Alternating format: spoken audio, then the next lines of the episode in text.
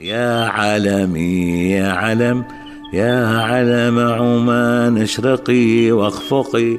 هي ثلاث مدارس معروفة. كانت بمثابة قلعة تعليمية مميزة وبارزة.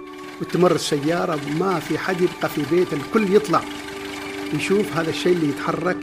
وقال بعد ثلاثة أيام بيرفعوا علم جديد. فكنا مشتاقين إيش العلم الجديد هذا بعدين صرحت على أستاذ رمزي أقول له أستاذ أستاذ صاحب الجلالة أمامنا. طلعناهم مثل ما تقول يعني بدون العودة إلى الإدارة. طبعا صار الحساسية بيننا وبين المدير. تسلمت من يد الشريفة لجلالة السلطان رحمة الله عليه أول هدية حصلها على قلمين. ياخذ الجرس يضربه. تن تن.